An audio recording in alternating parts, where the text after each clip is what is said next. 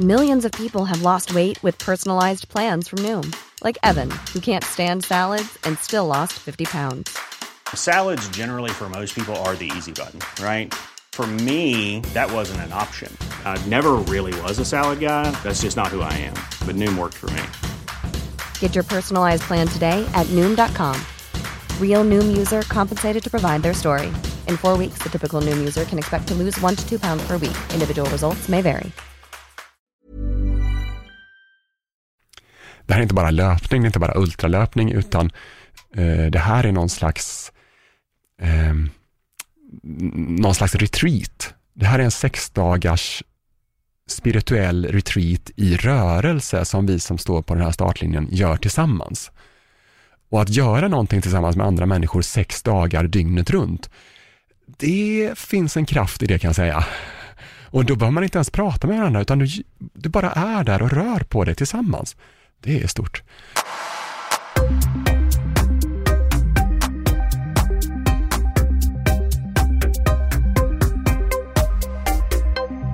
Jonny Hellneby, välkommen till Öppet sinne. Tack så jättemycket. Eh, ja, det var inte så jättelänge sedan som jag pratade lite löpning med Daniel och Ellen och eh, jag brukar alltid fråga, finns det någon eh, speciell som ni tycker att jag borde intervjua? Daniel slängde med några namn, men eh, sen så vet jag inte hur. Jag tror han rekommenderar en kille som håller på med thai eller kickboxen, så äh, jag vill lite ifrån fighters, det har varit väldigt mycket det i min podd. Ja, men fan, då måste du intervjua Jonny. Och då var jag så här, ja, och jag hade ju träffat dig bara timmen innan vi hade poddat.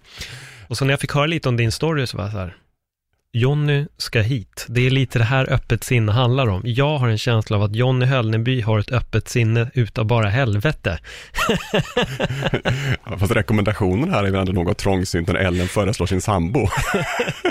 Ja, kanske lite. Eller så har Ellen det mest öppna sinnet som vet att du borde in. Och Daniel. Ja, nej, men det, det var häftigt för att jag var inte med då riktigt, för då pratade ni ju runstreak och, och den typen av, av löpning. Eh, Men jag har ju också fastnat för din, din ingång till olika ämnen och just det här titeln Öppet sinne tycker jag också stämmer väldigt överens med hur jag ser på Mm. min sysselsättning inom löpning. Så att, eh, ja, kul. jag tror att det kan bli häftigt. Vi har ju lovat att gå djupt, jag vet inte om vi kan. det, det, det är ett klurigt eh, start, en startpunkt för vad, vad ska man leverera nu? Jag vet, jag har gjort det där några andra gånger också när jag pratat om att nu ska vi gå djupt. Men sen, som jag sa till dig innan, jag, det jag gillar med den här podden är ändå det att samtalet får landa lite där det landar. Jag älskar det här organiska, att ibland, jag har fått frågan av ett visst antal gäster så här, har du frågor jag ska titta på innan? Och så brukar jag säga, nej, det har jag inte. Och lite ibland då brukar jag ställa motfrågan istället, vad vill du framföra om du kommer hit? Vad, vad känns viktigt för dig? Mm. Eh, Och jag känner nog att det är nog egentligen den viktigaste punkten och jag har märkt ganska många gånger när jag intervjuar vissa gäster att man ställer en fråga som öppnar upp en helt annan diskussion och skulle jag sitta låst vid 20 frågor ja då skulle man ju direkt sticka ifrån den här fantastiska diskussionen som börjar öppna upp sig. Efter det bestämde jag mig att jag ska inte ha så mycket frågor.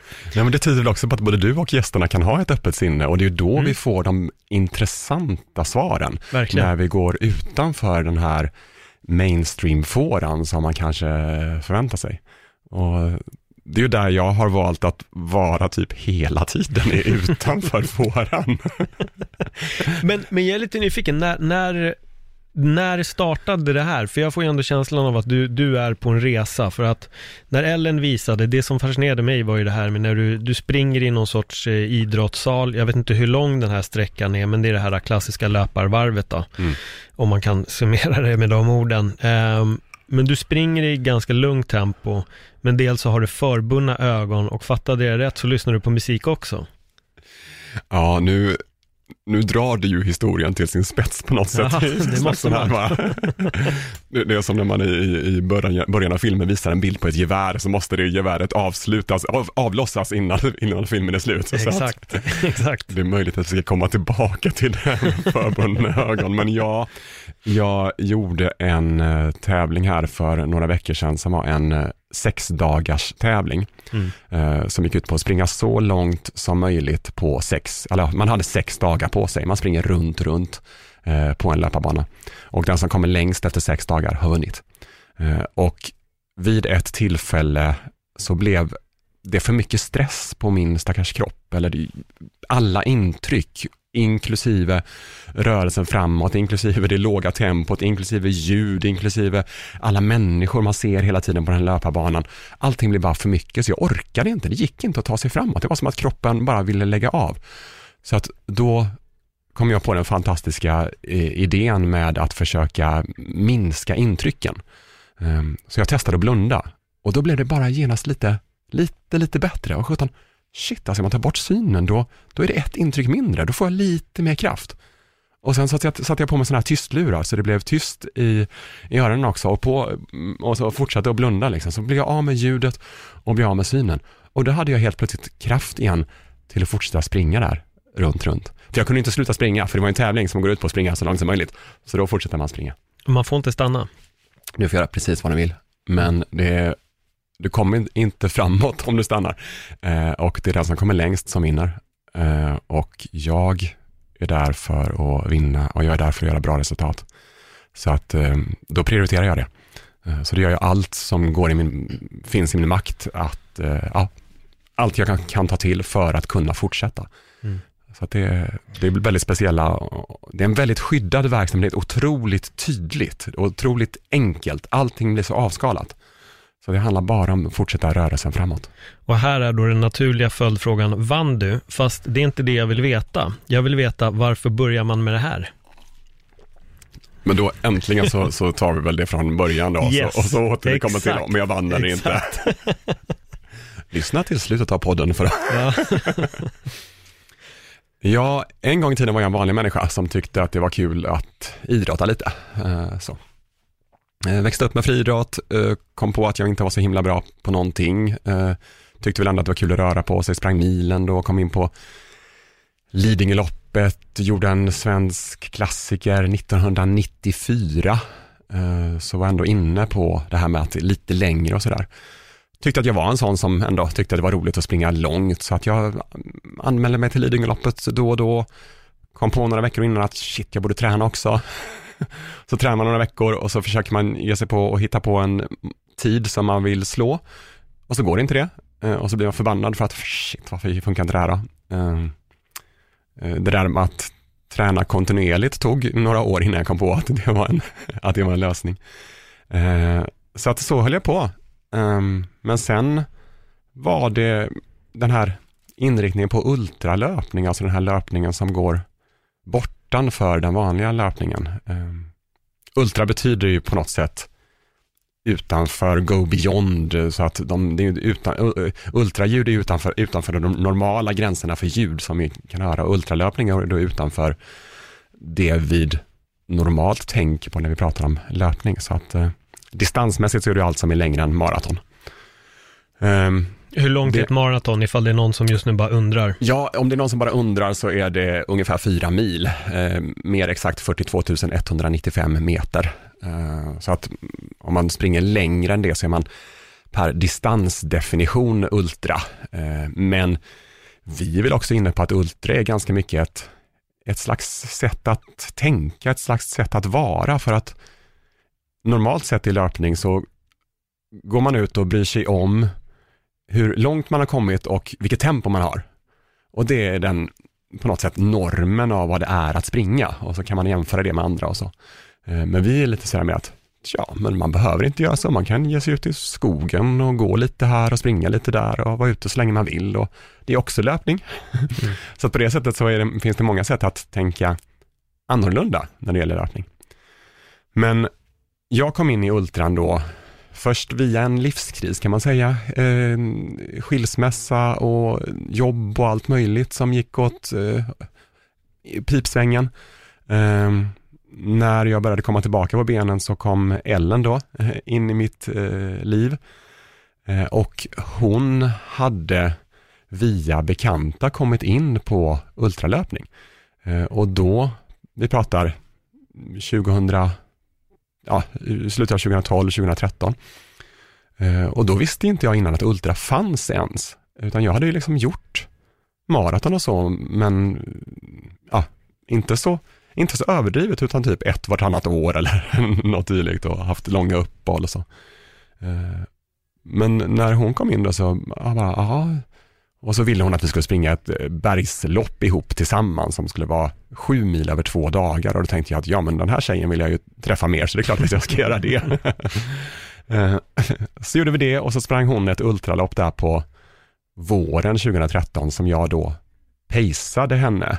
Um, Vad innebär det? Pacer innebär att man är sällskap. Um, Pace, och det är ju också vårt företag, vår eh, community heter Pace on Earth. Eh, men Pace står ju för någon slags takt, någon slags ja, harmoni säger vi ibland, någon slags rytm och så. Eh, men i ultrasammanhang så betyder det att man får ha med sig en pacer, då får man med sig någon som man kan säga hjälper till att hålla farten, men det brukar vara eh, någon som är med där för säkerhet. För när man har sprungit i 8, 10, 20 timmar eller vad det nu är, så är man inte lika pålitlig som människa längre. så då kan det vara jätteskönt att ha eh, sällskap. Så därför så är det många tävlingar tillåtet med, med pacer. Men, men sällskap på vilket sätt? Alltså för jag antar att du, med, du är väl inte med och löper hela tiden, för då är ni ju två stycken personer som är lite osäkra. Ja, precis. nej, då, nej, precis. Men då brukar det vara att man, får, att man eh, springer själv första halvan av loppet till exempel. Eh, och sen kan man ha pacer eh, därefter och då brukar det vara så att pacern ställer upp och är, eh, alltså några timmar i taget och sådär. Så, och så kan man byta, man kan ha flera pacers om man vill, eller så kan man försöka fortsätta springa själv och så. Ehm, och Ellen sprang då ett 16 milslopp i Täby. Och då hade vi bestämt att jag skulle vara pacer åt henne och vara pacer den sista halvan, så de sista åtta milen skulle jag ställa upp som pacer. Ehm, det var hennes första 100 miles eh, lopp, alltså 16 mil och det var första gången jag var med i ultratävlingssammanhang överhuvudtaget. Så då, då sprang jag utom tävlan då så att säga åtta mil eh, med henne. Hur kändes det? Det var jätteskönt. Eh, det var ju långsamt kan man ju säga, men det handlar ju om det handlar om att ta sig i mål och om att klara av utmaningen. Det är också något av det, av det stora i Ultra, att det inte är det är liksom inte tiden som är det väsentliga, så på det sättet så alla på startlinjen har samma utmaning. För att springa 100 miles, 16 mil, är svårt. Det är tufft att ta sig i mål. Så oavsett hur vältränad eller inte vältränad du är där när du ska starta, så har alla samma uppgift framför sig och det är att ta sig i mål. Och därför så är man så enade som grupp och det är ofta sån stämning också i målet sen att den som kommer först väntar in alla och man står och hejar på varandra och det är minst lika mycket cred till de som kommer på slutet än de som kommer först för de har ju, varit, de har ju kämpat ännu längre. Mm. Eh, så det är ännu större bedrift på något sätt. Eh, och Ellen kämpade länge. Mm. Eh, så att, och då, då var det häftigt att få uppleva det tillsammans. Och det är väl också någonting som, är, som blir så starkt i det här, att när man blir sådär trött och kan få göra det, på något sätt göra det tillsammans eller uppleva det tillsammans med någon annan, så blir känslorna och upplevelsen ännu större och starkare. Vad är det som du känner och upplever? Ja, eh, där, blir, där och då med Ellen i det här fallet så är det ju en otrolig gemenskap. Eh, och just att shit, kan vi klara av det här tillsammans så kan vi klara av vilka svårigheter som helst. Eh, så att man får ju en enorm styrka och trygghet i, i det. Eh, sen med kommande egna utmaningar och så, så blir det olika saker beroende på utmaning och alltid dyker det upp någon ny kroppslig eller själslig utmaning som man måste eh, ta tag i. Eh, så att det, det utvecklas också på något sätt, både vad man klarar av och vad man får för, jag vill inte riktigt säga motstånd, men upplevelser eh, ändrar sig. Eh, så att det, det, är spännande. Så att där började jag, sen gjorde jag mitt eget eh, ultradebut på hösten 2013, eh, då jag själv sprang en 16 mils eh, tävling. Och det är också någonting då som jag naturligtvis gjorde lite udda då mot vad folk brukar göra, för att normalt sett om man ska börja med ultra så, så börjar man med någon distans som är överkomlig. alltså kanske typ ett sex timmars lopp eller fem mil eller eventuellt åtta mil eller så som går att överblicka. Och du gick på 16 Och då gick jag på 16 direkt. Ja, Eh, för att, ja. Och det har hela tiden varit en liten del i min utmaning, just att jag vill testa, men även visa andra att, alltså, varför skulle inte det här vara möjligt? Så, ingenting är omöjligt på det sättet, så att om jag kan klara det här så kan du också, eller du klarar din egen utmaning, eller, ja. Så att jag har hela tiden haft det, det har varit en drivkraft för mig att eh, visa upp utåt att, ja, klyschan ingenting är omöjligt och så, Men har du, alltid, har du alltid drivits av utmaningar? Är det någonting som när du tittar tillbaka på ditt liv, att du har liksom, säga, gått igång på? Lite att så här, utmana dig själv och, och, och lyckas? Ja, men ganska ofta kanske på en barnslig nivå som att man kan lura femåringen till att jag tror inte du klarar. Så, så den utmaningsdelen har jag väl alltid haft med mig. Jag har alltid haft en liten tävlingsdjävul sådär inom mig. Eh, Men jag har också haft en väldigt stark nyfikenhet på att undersöka ja, både mig själv och världen och allt möjligt. Och nyfikenhet och utveckling har väl varit väldigt starka drag i vad jag har, vad, vad än jag har tagit till mig eller tagit mig för. Eh, Så det har väl varit någonting som har varit eh, genomgripande också i hur jag har sett på ultralöpningen. Vad, vad upptäckte du i din nyfikenhet när du väl sprang det här 16 timmars loppet första gången? Ja, ehm, oväntat lite. Eh, för det gick så bra. Mm. Eh, och man lär sig mer genom misstag än genom framgång på något sätt. Eller det är svårare tycker jag att lära sig genom framgång. Eh, men för genom misstag så blir det så tydligt att någonting gick fel och det måste vi ändra. När man har nått framgång så kan man ju inte direkt säga att det var exakt det här som det berodde på Nej. att det gick bra. Eh, Så att på det sättet så är det lite taskigt.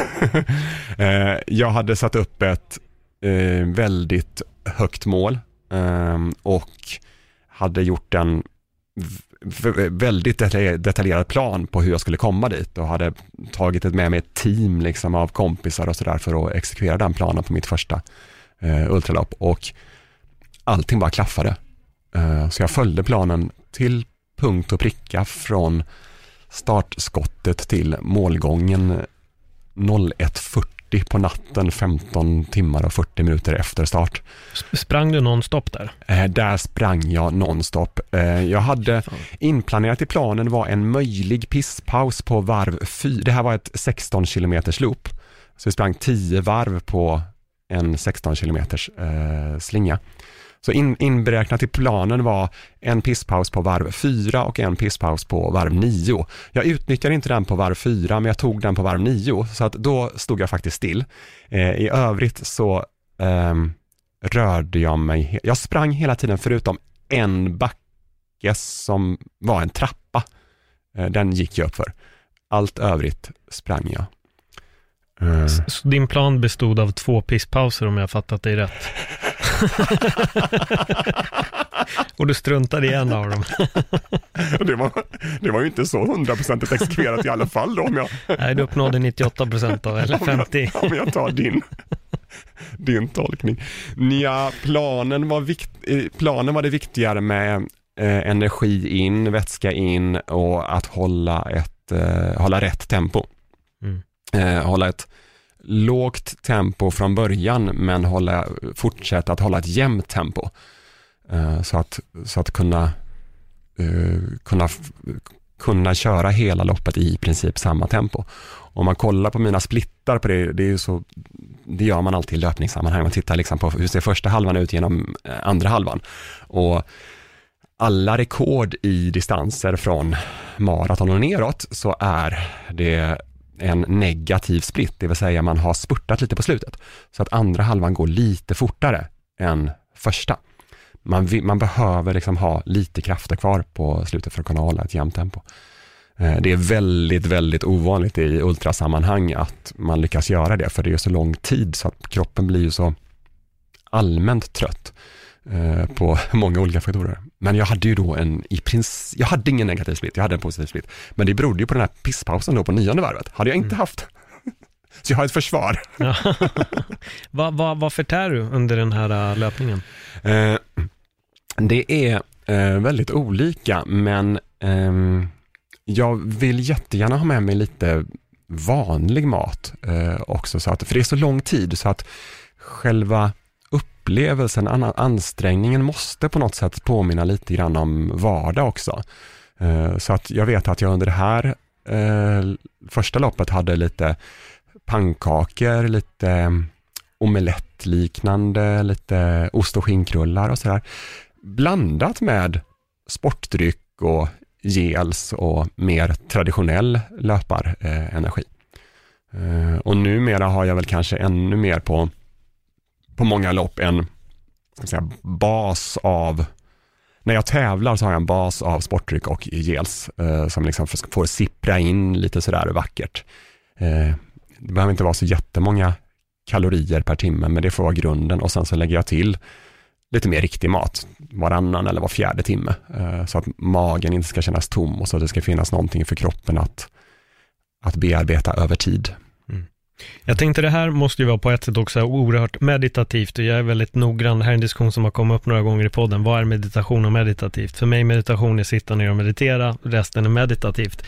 Eh, och det här måste vara väldigt eh, meditativt på ett sätt. Jag tänkte det måste ju ändå... Ja, det är meditation faktiskt. Ja, det är det för dig va? jag tänker just tankarna. Hur, eh, hur är det med tankarna? Kommer det upp saker när du springer? Mm det kommer upp väldigt mycket saker. Eh, men jag, ja, det här, nu blir du, du klurar du till det med ordval, ordvalet mm. där då. Eh, på många sätt när jag hanterar det som jag vill och som det ska fungera så, så blir det som en slags meditation där tankar får komma och gå som de vill. Eh, för så upplever jag för jag mediterar också regelbundet. Mm. Eh, alltså det vill säga jag sitter ner. Jag brukar sitta på en pinnstol rakt upp och ner och mm. meditera. Punkt.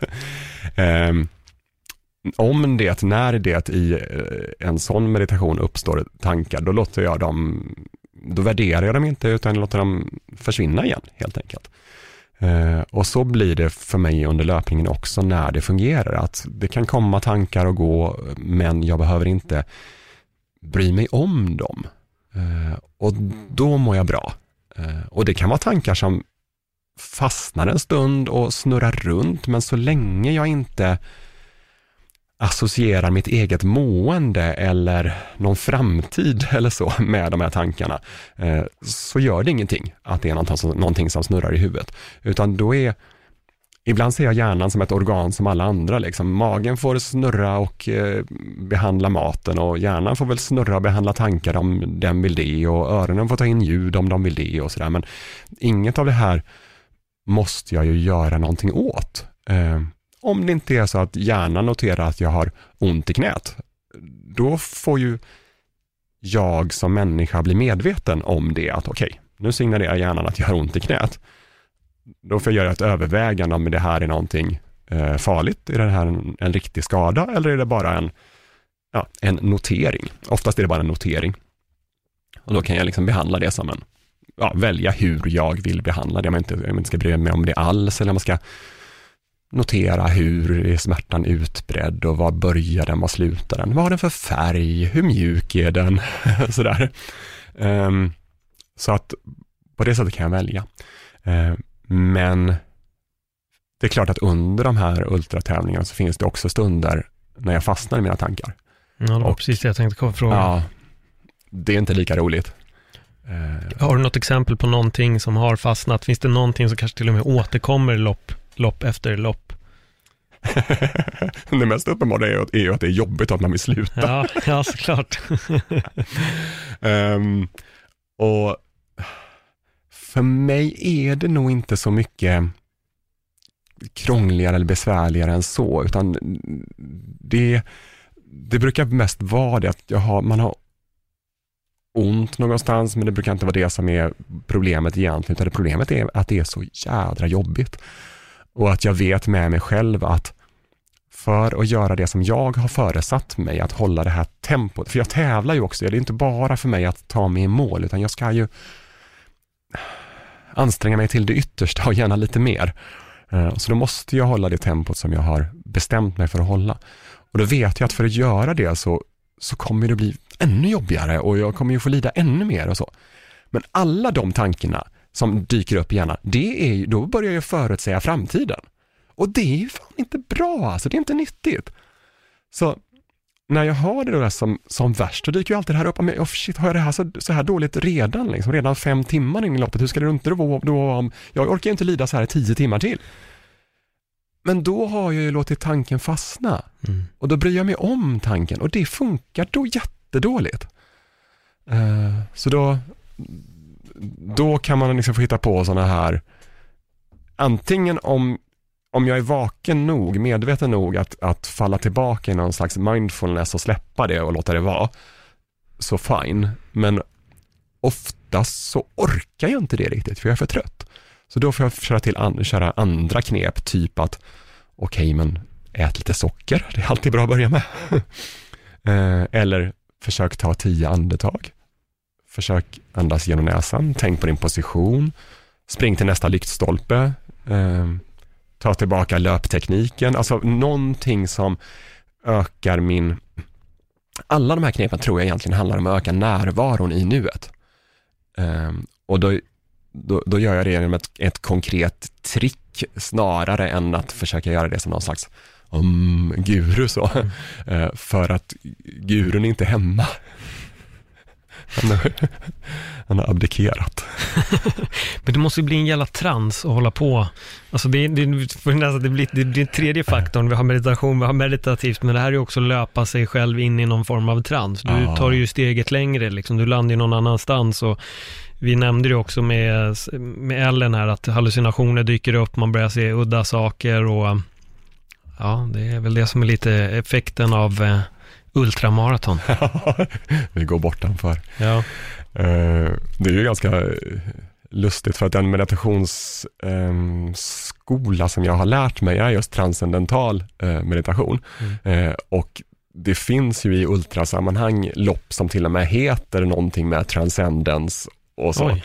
Så att det, det, det, det, finns nästan med som en slags det är ju det som är så klurigt, för det kan ju nästan vara som en slags målsättning eller syfte. Liksom. Gör det här loppet och du kommer att trans... Och så funkar det ju inte riktigt, eh, utan det är nästan dömt att misslyckas. Men... En, en fråga där bara. Mm. Eh, det finns så många meditationer där ute. Hur skulle du enkelt kunna förklara transcendental meditation? Åh, oh. Det vet jag inte om jag kan. Jo, men den är Nej, men bara på det enklaste sättet. Vad, vad särskiljer den ifrån en, eh, en vanlig meditation, sätta sig och blunda och bara försöka yes. vara. Mm. Eh, det är väldigt likt att bara sätta sig och blunda och försöka vara, men det är en mantrabaserad meditation. Eh, så man får i den här utbildningen så får man ett personligt mantra som man låter rulla i sitt medvetande på något sätt. Eh, och så förhåller man sig till det under meditationen, men det är allt man gör och därför blir den väldigt av, avslappnad är också ett konstigt ord, men, men, men andningen är ändå någonting som hela tiden har samma rytm eller sådär, men det här mantrat kan du ju låta vara det kan ibland gå långsamt, det kan ibland gå snabbt och det, det är ju helt fristående.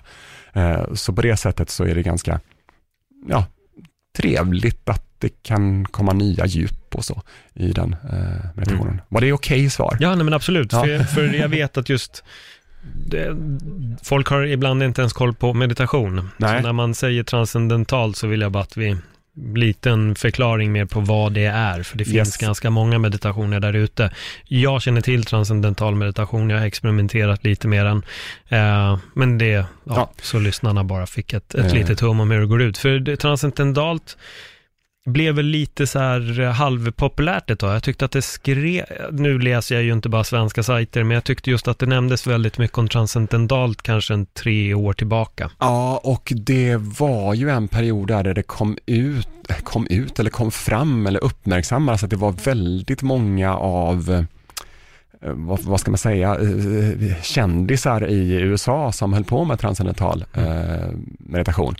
Um, nu, bara för det så, så tappar jag bort alla namnen, men jag tror att eh, Quentin Tarantino var med där och Clint Eastwood är med där och Jerry Seinfeld är med där och investerare som någon Dialo eller vad de nu heter allihop. Alltså sådär. Så det kom ut det var en period där det uppmärksammades att okej, alla de här håller på med transcendental meditation. Mm. Ehm, och den, men den, det, det är, den ingår ju också i någon slags Veda-sammanhang eh, från Indien rimligtvis. Eh, där det då finns en hel del mm, ramverk kring hur man lär ut och hur man lär sig och så. Eh, och där är det en pengakostnad inblandad också, så man betalar någonting för att gå den här kursen. Och det, för min del var det nog ganska bra för att då blir det ett åtagande som man säger att okej, okay, nu har jag faktiskt pröjsat för det här, så nu får jag faktiskt stå åt mig och göra det. För annars kan man väl, eh, alltså jag tycker att det är jätte, jättebra att bara sätta sig på en stol och ägna sig lite tid åt sig själv. Mm. Eh, vi gör ofta lite meditationsövningar på våra löparläger och liknande och då brukar jag rekommendera att följa andningen bara. Så att sitta en stund för sig själv och vara uppmärksam och vara medveten om sin egen andning. Det är väl gott så. Har du fått fram udda eller speciella känslor? Det behöver inte vara negativt, utan negativt, positivt, när du väl har mediterat och kanske kommit lite djupare i meditation? Alltså, jag har ingen sån där eh, ögonblick som jag tycker är wow, det här var häftigt. Eh, men det finns ju stunder där det känns otroligt stort. Eh, det känns som att medvetenhet, medvetandet på något sätt är allomfattande. Jag kan känna mig som ett i rummet eller till och med ett i universum faktiskt. Ehm, och jag kan känna mig som ljus. Ehm, och så, men de flesta gånger jag mediterar så känner jag, jag är inte där alls.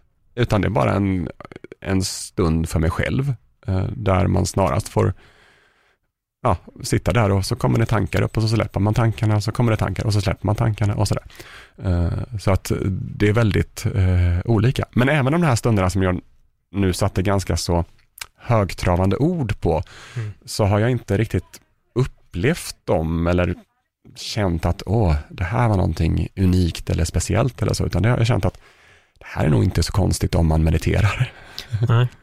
Nej, men jag, jag håller med. Jag, mediter- nu, jag har varit jätteslarvig i min meditation på senaste. Jag har sagt det till mig själv flera dagar här nu, att skärp dig. Och jag måste nå tillbaka.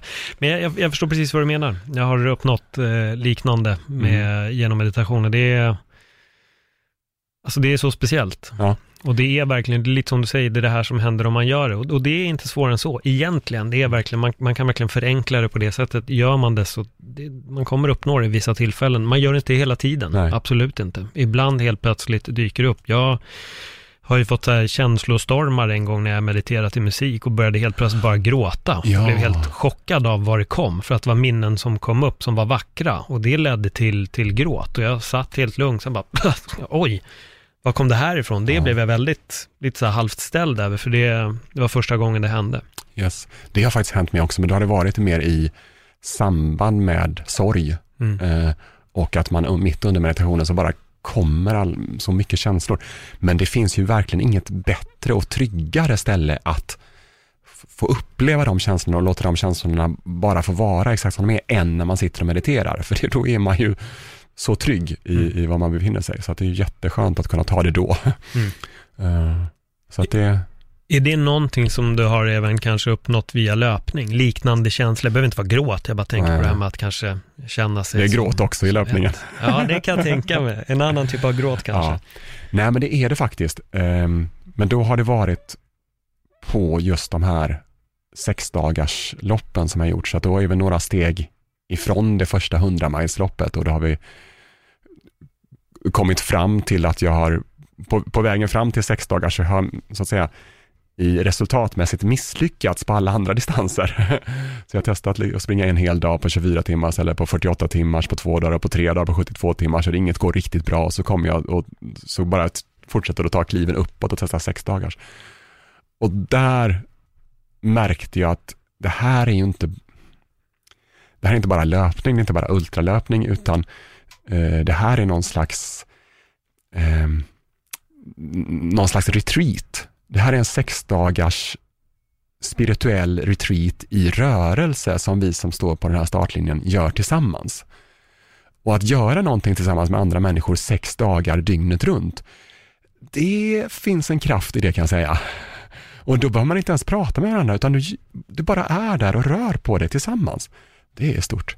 Ehm, så att under de här, under vissa perioder i de här löpningarna så har jag i vissa fall på, på, på ett bra sätt uppnått att jag är ett med vinden eller luften eller sådär. Eh, men i andra fall så har det fastnat i egot att jag är så, att, att jag känner mig så fri, så stark, så att jag tror att jag klarar av vad som helst och då vill jag öka tempot eller då vill jag ja, sätta ännu högre rekord och sådär. Och då funkar det inte riktigt längre, för att jag har ju min ram, min struktur, min plan som jag behöver röra mig i för att kunna exekvera det jag har, har tänkt. Så att egot ska inte komma där mitt i och störa alltså. Det får vara en det får vara en drivkraft innan för träningen och det får vara en drivkraft lite under tiden, men den måste hålla, egot måste hållas i skick. Mm. Så. Eller schack kanske. Har egot fått tagit över någon gång? Oh ja, det gick, det gick inte bra. Vad hände då? Ja, men det började så jätte, jättebra. Jag, jag sprang, det var, ett, eh, det var mitt första lopp i USA. Uh, och då tävlade vi i miles då, så jag sprang åt, uh, varje dag så hade, var min plan att springa 87 miles, för då skulle jag sätta svenskt rekord och komma upp i 800 kilometer på slutet. Så att jag misstänker att det blir ungefär 133 kilometer per dag. Vi kan säga det, 100, ja. någonstans kring 130, 135 per dag. Och så låg min plan för varje dag och jag, första dagen bara smack 87 miles, andra dagen 87 miles, tredje dagen 87 miles. Jag följer planen, jag är ett med den här och det var ett sånt här self-transcendence-lopp som arrangeras av en sektliknande grupp människor som är jättetrevliga och snälla på alla sätt och vis där de går i sina särkar. Um, ja, men det var ett väldigt, det var ett väldigt uh, härligt lopp, så jag gjorde det tre dagar i rad. På fjärde dagen när jag har ett jag har ju ett svenskt rekord i sikte Eh, och så känner jag att shit, alltså det här, jag mår ju lika bra på dag fyra som jag gjorde när jag startade loppet. Ellen, Ellen var ju med som min supporter. Man får inte ha pacers på de här loppen som går runt, runt, men hon får stötta mig vid varje eh, varvning. Ellen, vi måste räkna på, på mer. Vad, vad, kan jag göra? Finns det några andra rekord? Finns det något nordiskt rekord? Kan jag, vad är banrekordet? Vad kan jag slå? Så här. Ryan Reynolds här från Mint Mobile. Med the price of just about everything going up during inflation, we thought we'd bring our prices down. So to help us, we brought in a reverse auctioneer, which is apparently a thing. Mint Mobile unlimited premium wireless. Ready to get 30, 30, bit to get 30, bit to get 20, 20, 20, bit to get 20, 20, bit to get 15, 15, 15, 15 just 15 bucks a month. So, Give it a try at mintmobile.com/switch. slash $45 up front for 3 months plus taxes and fees. Promo rate for new customers for limited time. Unlimited more than 40 gigabytes per month slows. Full terms at mintmobile.com. Everyone knows therapy is great for solving problems, but getting therapy has its own problems too like finding the right therapist, fitting into their schedule, and of course, the cost. Well, BetterHelp can solve those problems. It's totally online and built around your schedule. It's surprisingly affordable too. Connect with a credentialed therapist by phone, video, or online chat, all from the comfort of your home. Visit betterhelp.com to learn more and save 10% on your first month. That's BetterHelp, H E L P. Så att på På fjärde dagen så bestämmer sig mitt ego för att jag ska öka tempot. Um, och det var jättedumt. Eh, det tog liksom fyra till åtta timmar innan min kropp inte alls gillade den här fartökningen. Så då slog den bakut eh, och tyckte att nej, nej Johnny, nu kan inte du springa mer, nu lägger vi oss i strejk. Så då fick jag ta extra långa eh, sovpauser och vila sådär innan jag kunde kravla mig upp på, på banan igen på något sätt, i och med att jag hade ökat eh, tempot lite innan, så lyckades jag få ihop de här 87 milesen, alltså runt 130-135, även dag fyra. Så att schemat, resultatet ser väldigt snyggt ut. Dag 1, 2, 3 och 4 är det samma, samma siffra liksom per, per dag. Men då, jag hade ju kraschat på dag fyra, så dag fems siffra är inte lika trevlig. Och sen på dag sex så tar jag mig i, i kragen och lyckas nå det, eh, det svenska rekordet. Så jag jag sätter ett nytt svenskt rekord på mitt första sex dagars. Så det var bra, men det var liksom så här bara, uh! ja, jag, jag, jag, lärde mig någonting. Jo men det är ju det och det är alla de här loppen måste ju på något sätt vara, vara lärdomar också. Ja, Hur såg loppet efter ut? Var egot där och, och gapade men du lyckades eh, hålla dig i schakt eller? just loppet efter var ett tomrum eh, faktiskt. Eh, där visste jag inte vad jag skulle göra längre. Jag tänkte att det gick ju ändå förhållandevis bra då första gången resultatmässigt, även om jag hade en onödig dipp. Så jag tänkte bara att ja, men nu går jag ut och kör ungefär samma sak igen. Så jag var inte alls lika, vare sig mentalt eller spirituellt förberedd vid eh, nästa tillfälle. Och då funkar det inte alls. Så att vid lopp två eh, på sex dagar så gör jag ett mycket, mycket sämre resultat än vad jag gör vid mitt första.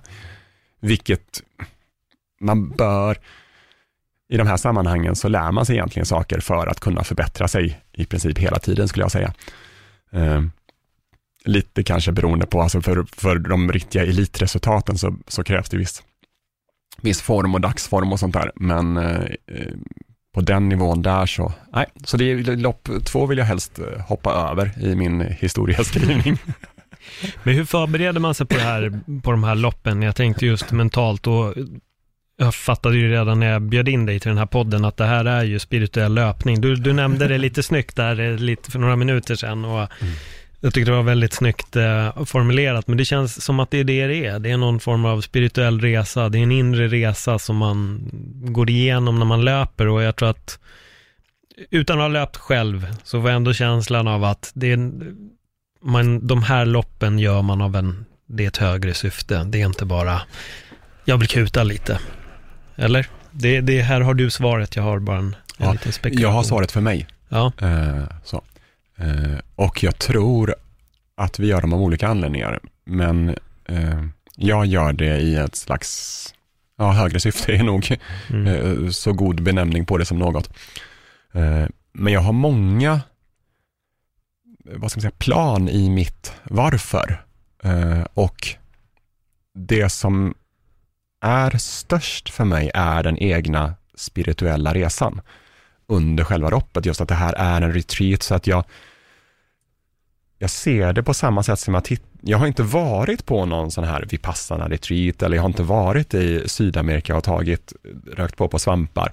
Eh, så att jag har inte, de upplevelserna har inte jag. Men jag tittar på de företeelserna och ser att okej, man förbereder sig på ett sätt, man försöker vara så hälsosam som möjligt, man tar bort gifter ur kroppen, man går in med en ärlighet och en intention om ja, vad man har för frågeställningar eller, eller sådär. Eh, så allt sånt där har jag gjort inför mina sexdagars eh, också, när jag har förberett mig. Det här andra loppet var ett slags undantag, jag trodde att ja, men nu kommer det bara funka. Eh, och så funkar tydligen inte sexdagarslöpning och inte livet i övrigt heller. Ehm, men på det sättet så har, så har de här loppen hela tiden varit en, en själslig upplevelse och det har varit det, det viktiga eh, för mig. Men sen har jag ju lagt till de här andra varför-nivåerna också, som det här med att slå rekord till exempel. Det tycker jag, jag går igång på det. Jag, jag har ett ego som gillar det och som trivs av det och då använder jag den kraften för att nå de andra syftena. Eh, Så att med den kraften så kan jag få mig själv till att hålla ett schema eller tempo som är utanför vad de flesta människor klarar av. Eh, och därmed så uppnår jag trötthet, problematik, mentala svårigheter som de flesta människor inte behöver möta. Och där någonstans så är det, okej, vem är jag då? Vad, vad gör min, mitt medvetande, vad gör min själ? Hur kan jag ta mig vidare? Hur kan jag fortsätta i det här? Så att, eh, så där, där använder jag liksom egot som en kraft och sen så ser jag det på det som, okej, men vad, på vilket sätt hjälper det här loppet vår community, Pace on Earth eller Ellen och mig, hur mår vi bra av att göra det här tillsammans? För att jag gör ju de här loppen också som ett teamwork, alltså det är ett, vi är ett litet team som genomför själva det här retreatet tillsammans. Mm. Eh, och på senaste loppen så har det varit eh, Lotta, Lotta Törn heter hon, som har varit min support för att det visade sig nog lite grann att när Ellen och jag har jobbat ihop så känner vi varandra för mycket. Hon, upplever mina känslor så starkt.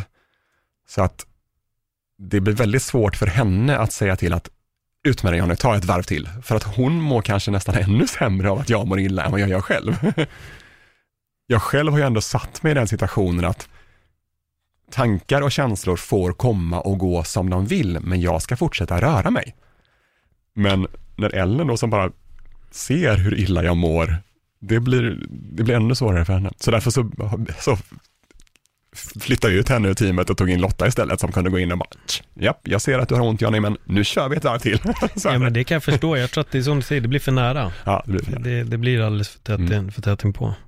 Så, att, men då, så då jobbar vi på olika plan med målsättningarna eller med varför. Mm. Eh, och då är det olika saker som kan driva framåt eller locka i olika tillfällen av loppet. Eh, så att det inte bara så här eh, meditationsljud och en spirituell upplevelse hela tiden, utan ibland är det verkligen bara att Johnny, om du ökar nu i två timmar så kommer du få- ett av de bästa passertiderna på 48 timmars också. Så här, kom igen nu. Okej, okej då, jag gör väl det då. För mig är det lite det där att gå ner i en isvak. Ja. Det är lite samma, för det är också det här med att man, man vill ju helst ut. Det är inte speciellt bekvämt och där blir det ju ganska obekvämt rätt fort. Mm. Det behövs ju inte liksom timmar för att det ska vara obekvämt. Det räcker egentligen med bara att kliva ner så är det gränsen nådd för rätt många och vissa kommer inte ens ner. Ehm, och det har varit en utmaning och där, där kan jag känna de gångerna när jag verkligen har suttit kvar och varit kvar ett tag sen klubb. Det är som att alla sinnen är förhöjda hela dagen. Ibland kan det till och med vara förhöjt dagen efter också. Att man upplever både färg och dofter och Ja. eh, detaljer mycket, mycket tydligare. Ja. Det har chockat mig av att bara kliva ner i en isvak och fokusera på andningen. Alltså, vet, I så fall så tycker jag egentligen att du ska fortsätta med att kliva ner i en isvaka och inte satsa på sex dagars löpning. för, för det är mycket jobbigare. Ja, det, jo, men det förstår jag. Du behöver sex dagar för att uppnå det jag får på sex sekunder. Men grejen är att jag tränar lite sådana grejer. Ja, Så att, eh, inte just isvak, men jag brukar ta iskalla duschar. Jag hatar iskalla duschar. Mm. Jag tycker det är svinjobbigt. Men även där kan man ju få den, alltså lite samma som isvaks-tänket och att om jag bara, om jag bara börjar så tänker jag, jag kommer överleva 10 sekunder, det fattar jag rent rationellt så fattar jag det. Så då försöker jag överleva 10 sekunder i en iskall eh, dusch och någonstans där så inser jag att okej, men jag försöker ta tre andetag till då liksom och så står jag där och tror att jag tänker att jag håller på att dö. Och så tar jag liksom en sekund i taget och sen helt plötsligt bara, så vänder det. Mm. Och så är det som att, oh, sinnena, alltså där tror jag att det är en nervsystem eh, liksom. Det är ju parasympatiska nervsystemet slår till för att kroppen vill överleva, då har den inte råd att stressa dig mer, så du måste lugna ner dig. Men det skiftet gör ju att typ sinnet öppnas och du blir mer medveten. Du kan känna kylan du kan känna var det är kallt och var det inte är kallt och du kan liksom, du kan ju börja välja att duscha olika delar på kroppen och du kan stå kvar länge. Mm. Eh, för att det har, det har ändrats. ja jag, första gången för mig, då vill jag ju bara ut Ja. ganska snabbt. Och nu eh, duschar jag, det är kallduschad varje morgon. Varenda morgon gör jag den. Så det är andningsövningar först. Du gör andningsövningar Yes, först ja. jag Precis. kör dem. Mm. Sen kör jag kallduschen och sen följer jag upp det med massa rörelse för att få igång kroppen. Och jag märker att min kropp blir mjukare av att ha duschat kallt precis innan. Ja. Öppnar det upp kroppen så jag har lättare att göra, för jag är väldigt, jag kan vara lite spänd och stel på morgonen och, och skippar jag duschen då gör det ont. Medan det är som att, jag vet inte, som att musklerna bara får en, en chock av kylan och så skickar in en massa blod och hetta in i musklerna, då blir man mjukare. Yes. Jag gör det i omvänd ordning tror jag, för om, om min morgonrutin funkar så brukar det börja med börjar, brukar börja med frisk luft och om jag, att jag går ut några steg, men Mm. den är väldigt kort. Eh, och sen brukar, brukar jag köra rörelse inomhus, någonting, vad, egentligen vad som helst. Eh, och sen mediterar jag och så avslutar jag med kalldusch. Mm. Eh, Prova och vänd på det. vänd på det. Testa det imorgon. Prova och kör andningsövningar och eh, Kalldusch. kallduschen sen och sen gör du rörelse. Ja, det alltså. Du kan till och med göra andningsövningar och meditation, bara du kanske inte sitter för länge med tanke på att du vill också in i duschen i form med, Precis. med det där. Men absolut, prova.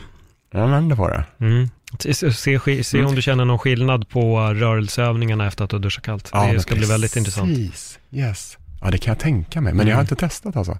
Men jag brukar nog inte göra andningsövningar innan duschen, men det tror jag också skulle underlätta lite för att, Mm. eh, för nu blir tröskeln, alltså det här, den blir väldigt stor, för kroppen är inte riktigt redo, även om jag har gjort duschandet, jag har det inte varje morgon, men jag har gjort det många gånger, Mm. liksom, så kroppen borde börja fatta. Ja, men det stänger ner lite smärtcentrat, eh, om jag har fattat det hela rätt när jag lett studierna på det. Så Ja. är det när du gör de här andningsövningarna så triggar vagusnerven, parasympatiska systemet, immun, autoimmuna, eh, självförsvaret, allt möjligt liksom dras igång och jag har fattat att det sänker även lite smärtreceptorerna. Så jag vet att vissa morgnar när jag har struntat i att göra andningsövningar gått direkt in i duschen, alltså det känns som att det är lite kallare.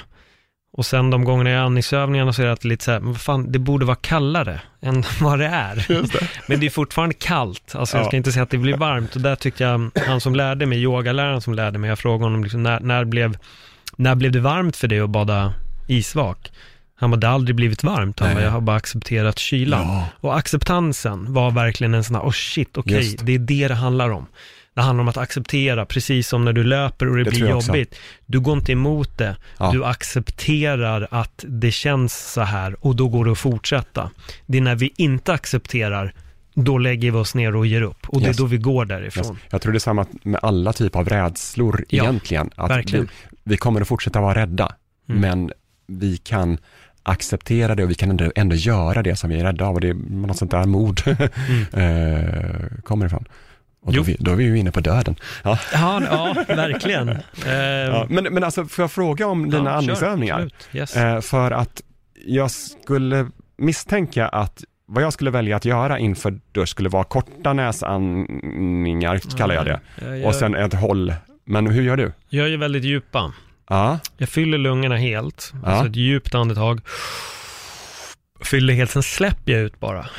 Och då ungefär, man blir, det är väl typ hälften som åker ut, jag tömmer liksom inte lungan. nej. Så gör jag 30 stycken, Så att, du, jag göra. eh, mm, så att det blir alltid lite mer in så att säga än Exakt. ut. Ja, Exakt. Sen på sista andetaget, då släpper jag ut allting. då det. Och då ja. håller jag andan eh, så länge jag kan. Och sen tar jag ett djupt andetag, håller andan i 15 sekunder med fylld lunga. Sen börjar jag om. Och då gör jag det tre gånger. Där har jag experimenterat med att göra det fort, att det är lite hyperventilering. Ja, Och sen har jag experimenterat med att göra det extremt långsamt, att jag verkligen fyller lungan länge och släpper ut. Självklart desto långsammare, alltså. Och släppa ut och jobba i det tempot, då kan jag också hålla andan mycket längre. Och jag upplever att jag producerar mer värme. Man kan bli väldigt varm av andningsövningarna. ja. Det är några gånger då jag har gjort dem och även har gjort dem med vänner och de har börjat svettas. Av att bara jobba med det här andningssättet så börjar de svettas. Så jag gör det ibland när jag är ute och går på vintern. Om jag börjar känna mig lite så här, det är lite svalt, då kan jag börja och man kände direkt att det börjar liksom värma lungorna. Lungorna får jobba och då får man upp den här värmen. Du kan bli lite stickig i händerna, fötterna. Det känner inte jag av längre. Nej. Jag gjorde det på min mamma, hon bara, det sticks i hela kroppen. Jag bara, okej bra, ditt eh, genomströmning är skit. Så du behöver det här. men, men hon sa det med, hon tyckte att det var helt otroligt när hon hade gjort det ett tag. Ja. Hon kände att nästan hela dagen Mm. vart förändrad. Och det är klart, när du börjar med någonting, då får du också de, de största kickarna. Ja. När det väl blir rutin, då är det bara så. Ja, på skillnaden är mindre. Mm. Exakt. Men Vilket det får... inte betyder att man ska sluta. Nej, för det har jag gjort också, att Ja. jag har klivit ifrån det. Helt plötsligt är duscharna mycket kallare.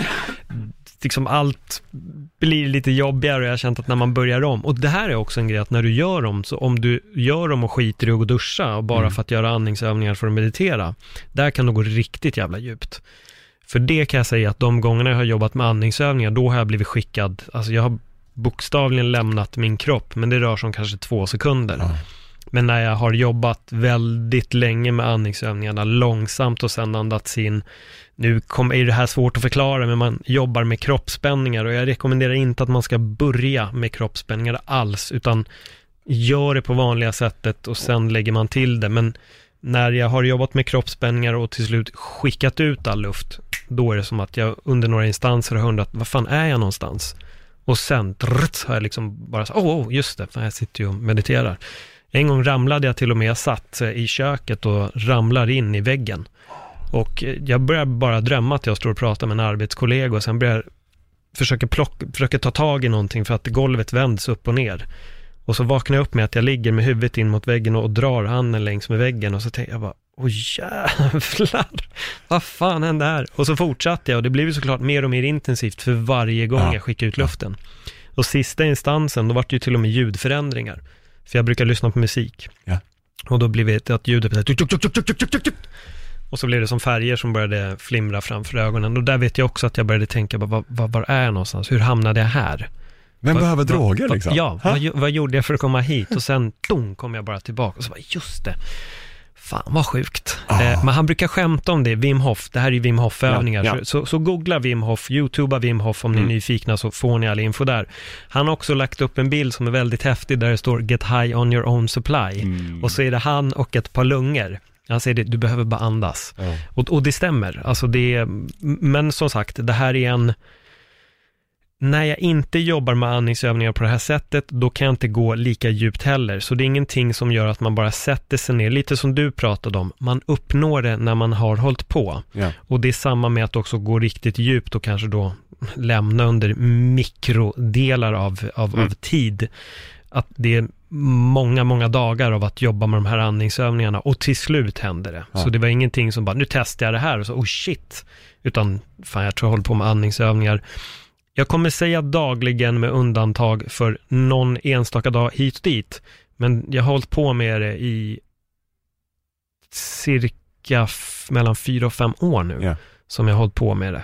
Eh, och vissa gånger gör jag andningsövningarna med spänningar och det händer verkligen inget speciellt. Nej. Men jag tas in i djup meditation. Eh, för det var en period då jag bara satt rätt upp och ner och bara gick in i meditation. Och några gånger har jag suttit i en timme. En timme sessioner. Men det jag upplevde med andningsövningarna var att de kunde många gånger skicka mig liksom 40 minuter in i meditationen på tre minuter. Och det var något som var så, okej shit, här kan jag ta en genväg. Valt. Så det... Har du kopplat meditation, eller andningsövningar med fysisk aktivitet på något sätt? Alltså innan träning eller under? Ja, det har jag gjort. Det har jag gjort. Ehm, jag har upptäckt att om man jobbar med, um, vad ska man säga, alltså om jag stressar upp min andning, Ja. att man börjar jobba med en hyperventilation på ett sätt och börjar så nästan, att man börjar tagga till lite extra. Då kan det ge som en extra adrenalinskjuts i pepp innan man går och styrketränar och sånt. Och det funkar nog till vilken träning du än gör. Ja. Att man verkligen börjar peppa upp sig själv med att andas lite aggressivt och, och, och, och mer fokusera på något. Att nu ska jag göra något som är lite mer jobbigt, lite hårdare och då kan man peppa till på det sättet. Och den metoden vill du inte använda om du ska jobba med meditation. Nej. så, så, så, så, så det är det som är så snyggt, du kan jobba med väldigt lugn, harmonisk andning för att gå in i meditation. Men sen när du ska träna så kan man öka upp det och då peppar man Mm. på lite mer. Och i, i ultrasammanhang så är ju stress vår största fiende. Ja. Eh, för att allting ska vara så lugnt och långsamt och är, där pratar vi även om metabolismen, om förbränningen. För att ju lugnare vi är desto, mer, desto bättre funkar fettförbränningen. Och med fettförbränningen så kan vi pågå, ja vi har så otroligt mycket mer reserver på, på fettsidan än vad vi har för på kolhydratsockersidan. Så att där, där tar ju lagren slut efter ett par timmar. Mm. Um, men för vad jag ibland tvingar mig själv att göra under löptävlingar är en enkel sån här box breathing, alltså andas i fyrkant. Mm. Eh, och där, han, där är ju bara liksom för att lugna ner och kontrollera andningen, så den är ju lugnande. Eh, och den används ju i vårdsammanhang just för att lugna, lugna ner patienter och sådär. Mm. Eh, så då andas man in på typ fyra sekunder, håller på fyra, andas ut på fyra, håller på fyra, ja, och sen Just det. repetera. Fyra in, hålla fyra, fyra ut, hålla fyra. Den rekommenderade faktiskt en kille att man skulle göra när man går. Ja, jag, och jag gör det när jag springer. Ja. Och, mitt löpande är ungefär som promenad. Mm. Nej, var, det handlar om att få kontroll på andningen. Eh, så jag förstår att den, att den är bra att använda. Mm. Och jag började också tänka på lite det här med det här jag menar med den här andningen som jag förklarar om. Om man tänker egentligen så tror jag att det ligger väldigt instinktivt i väldigt många också. För om någon ska köra någon tung, jag relaterar gym för att det är den miljön jag kommer lite ifrån då. då. Men om någon till exempel ska köra tunga knäböj eller bänkpress så är det alltid att de tar de här, man taggar till med några Ja. andetag. Men jag tror att jobbar man med de här andetagen längre så tror jag att då lyfter man den här peppen lite mer.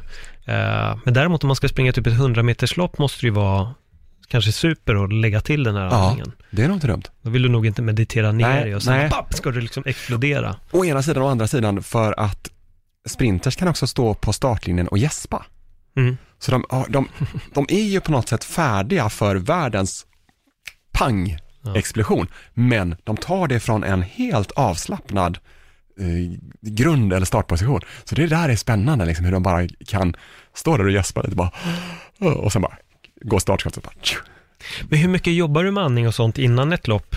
Om vi börjar i den änden så är följdfrågan sen såklart under loppet också. Men om vi börjar med, Nej, egentligen inte alltså, eh, faktiskt. Utan det, eh, det är det är väl det att jag kan ha med det i mina morgonritualer eller så, som en slags daglig eh, träning eller daglig övning till att kontroll, lugn, ehm, bättre hälsa kan man nästan se det som också. Eh, men in, inte som jag har förknippat med lopp eh, eller så alls. Annat än då det, att just att under lopp i vissa sammanhang när jag känner att det blir för mycket stressfaktorer. Det, det, så det borde jag gjort här när jag, det loppet jag beskrev där jag började blunda och så också. Där skulle jag Mm. kunna eh, tagit den här boxbreathingen då som ett verktyg också för att just eh, minska eh, stressen. Så det har jag gjort eh, några gånger och jag har haft, då har jag lagt ut triggers på banan. Så att jag vet att när jag kommer till den här svängen, då börjar min boxbreathing. Och så gör jag då några runder och så nästa gång jag kommer till den svängen, här börjar min boxbreathing. Så, här, så att jag hela tiden eh, påminns. Så För det är så himla lätt att glömma av det och göra det som man vet är bra för en. Så, och, ja, så man måste ha små påminnelser. för det är väldigt intressant när vi när vi är inne på det här med andning. Jag, jag jobbar ju med andningen dagligen. Ehm, däremot så är jag väldigt dålig på att jobba med min kondition. Så jag tog tag i det nu här för tre veckor sedan. Och det, det galna där är att jag vet innan jag höll på med andning och tog tag i kondition, då var det lungorna som fick kämpa. Det, mina lungor tyckte det var så jävla jobbigt att göra kon, konditionsövningar. Det jag har märkt nu när jag klev på det igen här för tre veckor sedan, att lungorna är inget problem alls. Nej. Men det är kroppen som bara säger, du vill inte göra det här. Kroppen säger stopp, men mina lungor kan pågå. Nu när jag har hållit på ett tag och kommit tillbaka, så märker jag också att tack vare alla andningsövningar, så har jag väldigt lätt för att komma in i en andning och eh, motionsrytm, ska vi nu säga, den här Mm. aktiva rörelsen. Jag kan kombinera dem väldigt snabbt och det var något som jag tror att jag alltid haft lite problem med, att kombinera andning i form av typ om jag löpte eller vad jag än gjorde. Så var det nog lätt att kroppen ville i ett tempo för mig, men andningen ville Hängde jobba inte. ojämnt Ja, eller stannade eller höll andan och Ja. massa sådana saker. Ja, ja det är, det är, och där har jag ju faktiskt, eh, jag har provat på, um, vad heter det, eh, sån här yoga i eh, värme, Ja. hot yoga eller Bikram. Bikram. Eh, så, vilket ju också är en lisa för andningen på något sätt, för då blir det, man värmer upp kroppen inifrån och ut och man måste ta de här andetagen och sådär också.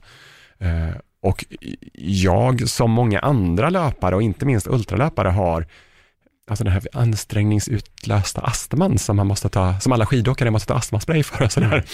Eh, ja, men jag har lite sådana besvär eh, också. Men egentligen när jag jobbar mer aktivt med andning och kanske har gått på ett par Bikrampass eller dylikt, då är det ju som att jag är starkare. För jag tror tyvärr också att jag tränar lite ensidigt. Eh, för jag tränar ganska låg, jag är, min tävling är ganska lågintensiv och därför så tränar jag ganska lågintensivt. Eh, latmasken i mig tycker att det är skönast så. Eh, så att de här riktigt hårda intervallpassen som må- många löpare annars gör, de hoppar jag över för jag behöver inte dem för min tävlings skull. Men det gör också att jag inte tänjer på Ja, mina det. andningsgränser.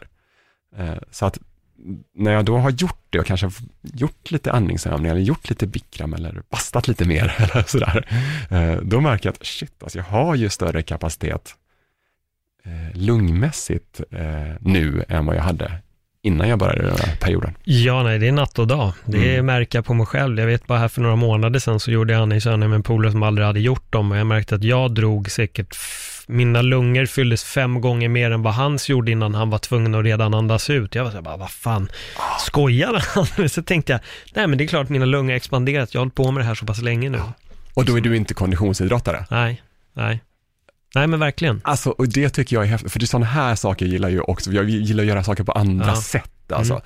Så att det här med att, ja men, för, för den typen av lungor, ja men det får man ju om man har, är kanotist, liksom, eller Mm. ja. sådär.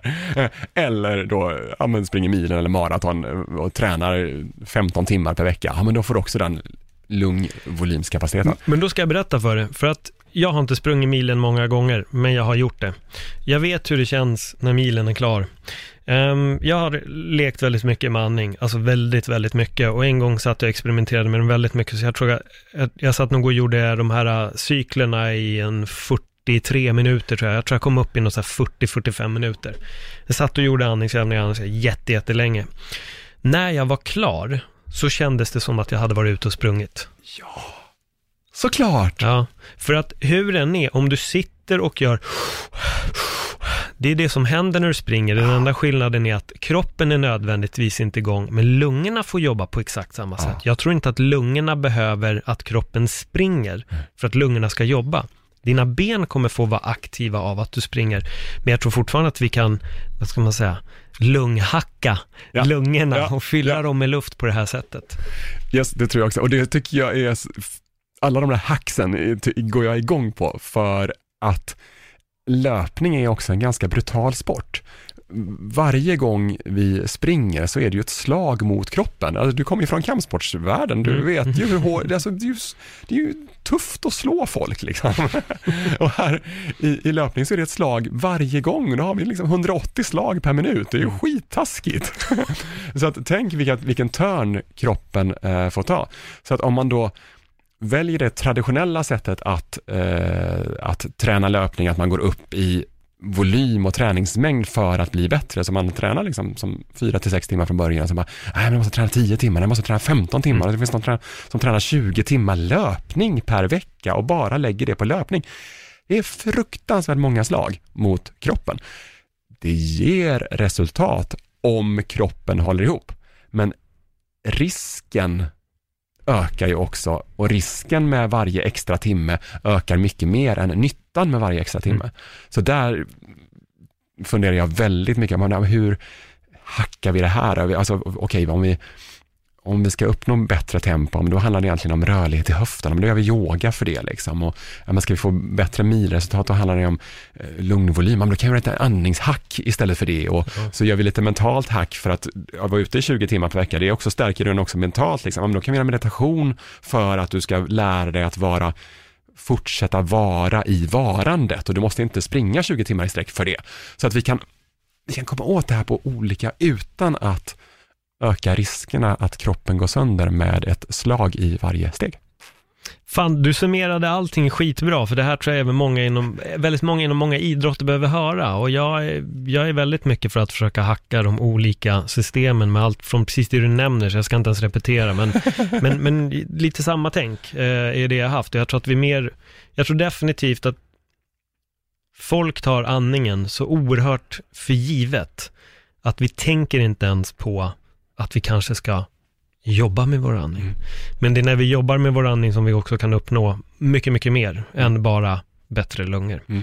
Eh, vi, vi har nått vår slutfas på avsnittet. Hur gick tävlingen och sprang du någon gång utanför banan in i en vägg? Det här, den här tävlingen eh, för då ungefär tre veckor sedan. Nej, det var stunder då jag inte visste var jag var någonstans på den här 440 meters banan. Det var, det var en inomhusbana som var inte exakt 400 meter, den var lite längre. Men jag sprang inte in i en vägg, så där, Mm. det får jag godkänt för i alla fall. Eh, jag kom dit för att vinna tävlingen och jag kom dit för att sätta världsrekord. Eh, om vi ska ta slutklämman snabbt summerat så gick åt helvete.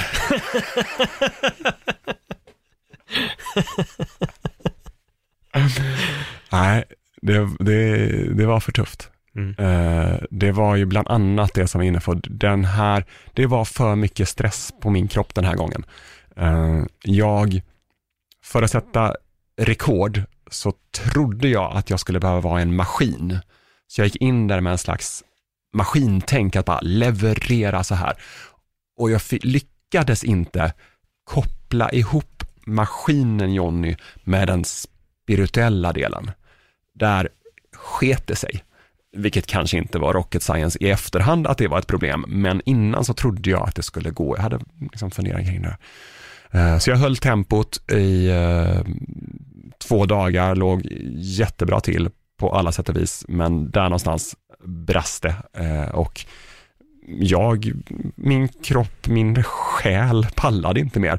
Eh, så dag tre så, så var jag redo att klappa ihop och eh, jag klappade ihop och jag var redo att och, och packa ihop också och åka hem. Så. Då var vi på en tävling i Milwaukee i USA, så att åka hem var en ganska lång resa. Men jag var ju där för att sätta världsrekord, så att om min, det var ju mitt enda mål. Um, Så när det inte funkade så var det inte så jättekul längre. Uh, Men då tog jag ett snack med uh, Lotta och Lotta var ju huvudsupport, liksom, men Ellen var också med och, och, och stöttade. Så då tog, tog vi ett snack och jag snackade om det där att uh, nej, det här funkar inte, vårt mål, vårt syfte med det här eh, finns inte längre, så vi kan sluta. Vi kan åka in till Chicago och gå på musikal istället, för det är mycket trevligare. eh, Men måste, det måste ju ändå vara ganska skönt att du ändå kan vara ärlig mot dig själv i en sån här instans, istället för att nöta på när du känner att det har gått åt helvete, att bara, äh, men det, det finns andra gånger att göra om det. eh, men vet du vad de jävlarna sa då? då? Nej. De sa att det finns andra varför, Jonny. Såklart, det finns alltid ett varför, om inte annat. De sa att man kan visa andra att man kan fortsätta kämpa, Mm. fast allting har gått åt helvete. Och då sa Jonny, ja, det kan man. Så Jonny gick in på banan igen och fortsatte kämpa, fast allting hade gått åt helvete. Ja, det är så. Hur länge fortsatte du? Tre dagar till. Åh jävlar. Så du gjorde ändå klart? Så jag gjorde ändå klart. Eh, Så jag sprang ändå 82 mil på sex dagar. Eh, Jag kom fyra i tävlingen. Eh, Jag slog inte något, vare sig svenskt rekord eller, eller eh, något annat rekord, liksom. men jag satte, det är en av de bästa tiderna som någon svensk har gjort någonsin. Eh, Men det var inte det jag var där för. Men jag fortsatte kämpa fast allt hade gått åt pipsängen. Eh, Så att Ja. Det, det blev ingen musikal. det blev ingen musikal tyvärr. Nej, nej det, det är folk som är ledsna över det också. Ja. Du, du slutförde loppet då. Ja, jag slutförde loppet. Eh, Det gjorde jag. Så att, eh, Men kändes det skönt på efterhand eller? Alltså kändes det bra att de pushade i den riktningen eller? det var helt rätt, men det är naturligtvis både och. Alltså det var rätt, eh, Mm. men det är ju sån tomhet av att ha misslyckats med sitt stora varför. Eh, Mm. Av att ha ett sånt mål och sen bara, nej det blir inget. Så på det sättet så är det väldigt blandade känslor. Men det var ju, det var ju rätt att använda de olika benen i varför, eh, Mm. i varför-bygget som jag hade satt upp. Och det är också därför jag har ett litet bygge av varför, för att man ska kunna göra det. Så att mm, de var ju väldigt smarta där med kära Lotta och Ellen som, som lyckades hitta det. Ja, de ville inte gå på musikal, det är det det handlar om. De bara, jag har sett den här skiten förut. Nej men det är, ju det, det är ju det som är deras uppgift på något sätt, det är att hålla med på banan. Mm. Eh, och sen att eh, sen att vi egentligen har ett, ett annat, menar, det var ju, de flesta fattade ju innan tävlingen att det här med att sätta världsrekord är rätt så svårt. Men jag var helt fast besluten och trodde stenhårt på att det här kommer att gå. Eh, och det var ju min enda möjlighet också att få det att funka naturligtvis. Men jag, trodde, jag, jag, och jag tror jag fortfarande att det kommer att gå. Eh, men, eh, men det är klart att jag tror att de var lite mer medvetna om, hade lite mer distans till det, att ja, men det kan hända att det här inte funkar och vad gör vi då? Ja, men då ska vi fortsätta kämpa i vilket fall. Eh, så Eh, så att det var, det var ju, och det är ju rätt, det här, det här är ju en kamp, som så mycket annat. Så att då fick man med sig andra bitar, andra saker. Så Mm. det var häftigt. Tur att jag inte var där, för jag hade sagt, vi drar. Ja, det hade jag varit väldigt, väldigt tacksam för. Så härmed är du anlitad som min sex dagars Ja, nästa precis. gång. Sitter där i en solstol och bara, fan ska vi inte dra nu Jonny? Alltså det finns ju burgare här borta. Jag har det. Ja, du, supertack eh, för den här storyn. Jag tror ändå att vi lyckades gå in på, eh, på lite, vi var och fingrade på några djupa detaljer Ja. också. Det, det finns en, definitivt en spirituell löpning och jag har en känsla av att du kommer att jobba aktivt med din andning efter det här samtalet. Den lyfter vi. Mm. Snyggt. Du, ehm, hur följer man dig på din resa bäst? Lättast är att följa Pace on Earth helt Mm. enkelt. Eh, Så att Pace on Earth på Instagram och vi har också en egen podd. Eh, Så att eh, Pace on Earth podcast, där poddar finns. Mm. Eh, Det är bäst. Ja men snyggt och jag har ju länkat till eh, lite hemsida i det tidigare avsnittet med dig Ellen och den länken finns ju såklart även i det här avsnittet. Mm. Jonny, tack så jättemycket. Ehm, Jag kommer inte göra ultramaraton i den närmaste framtiden, men jag inspireras av det du gör i alla fall. Så tack för ett bra samtal. Och jag ska inspirera ännu mera, andas mera. Eh, Exakt. Tack. Exakt. Ja, till er som har eh, varit med oss under den här timmen, tack så jättemycket. Tills nästa gång, ha det bra.